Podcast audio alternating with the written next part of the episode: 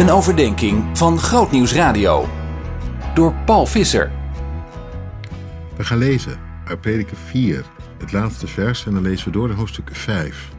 En het gaat ineens over het huis van God. Daar had de prediker het nog helemaal niet over gehad. De tempel, terwijl het toch het hart was van het bestaan van Israël.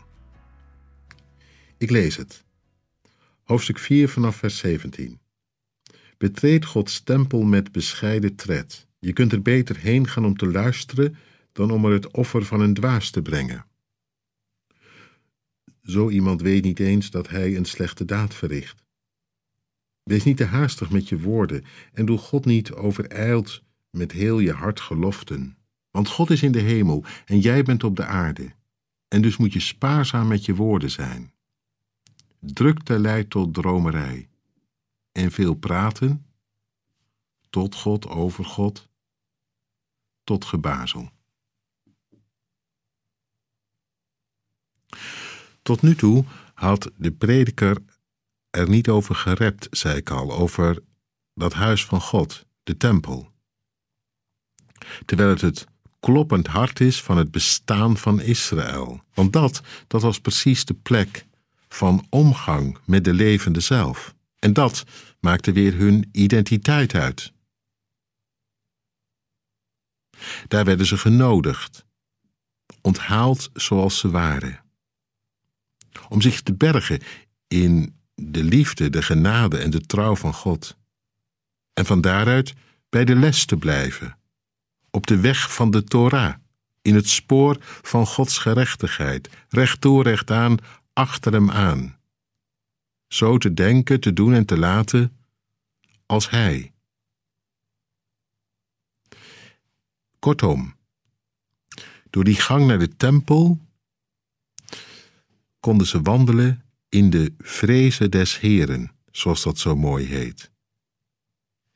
In ontzag en overgave aan Hem. Echt zijn volk. Maar ja, prediker zag het gebeuren. Mensen waren meer dan eens zo in beslag genomen door dit en dat, dat ze geneigd waren er zich met een Jantje van Leiden van af te maken. Natuurlijk, je ging wel, dat hoorde erbij. Je kon het niet maken om helemaal aan die tempel voorbij te lopen, voorbij te leven. Maar intussen, ja.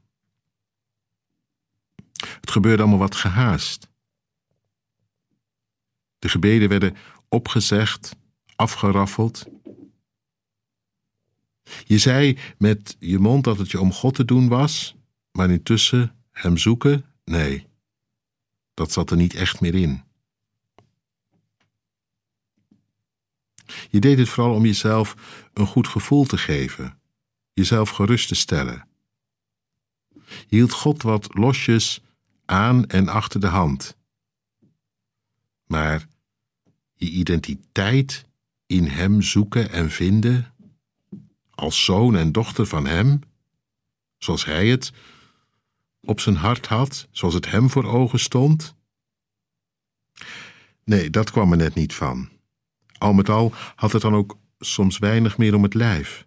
Het hart was eruit. En ja, je voelt wel aan, dat is het begin van het einde. Misschien herken je het wel bij jezelf. En ja, zo moeilijk is het toch niet om te bedenken dat God daar niet op zit te wachten? Ik bedoel, dat wij er wat aan doen en zo aan Hem, dan ben je hem intussen toch aan het afschepen. Als je tussen de bedrijven door nog even gauw wat gebeden afraffelt. De prediker zegt, zoals te veel drukte soms kan leiden tot verwarde dromen, zo kan al te snel en te gemakkelijk praten tegen en over God leiden tot wat onnozel gebazel. Doe dat niet. Let op je voet. Besef wat je doet als je tot God nadert. Weet dat Hij in de hemel is, jij op de aarde bent. Weet even je plek, je plaats. Graag een beetje serieus. Hij die jou serieuzer neemt dan wie ook maar. Zoek even Hem nabij te komen, die jou nabij wil zijn. Je kunt het niet maken, die slordige manier van omgang met Hem. Daar is Zijn liefde, Zijn genade echt te goed en te groot voor. Het is de spijker op zijn kop. Of niet? Nou ja, je weet het zelf het beste. Zien in nog een podcast? Luister naar Verhalen van Hoop via grootnieuwsradio.nl/podcast.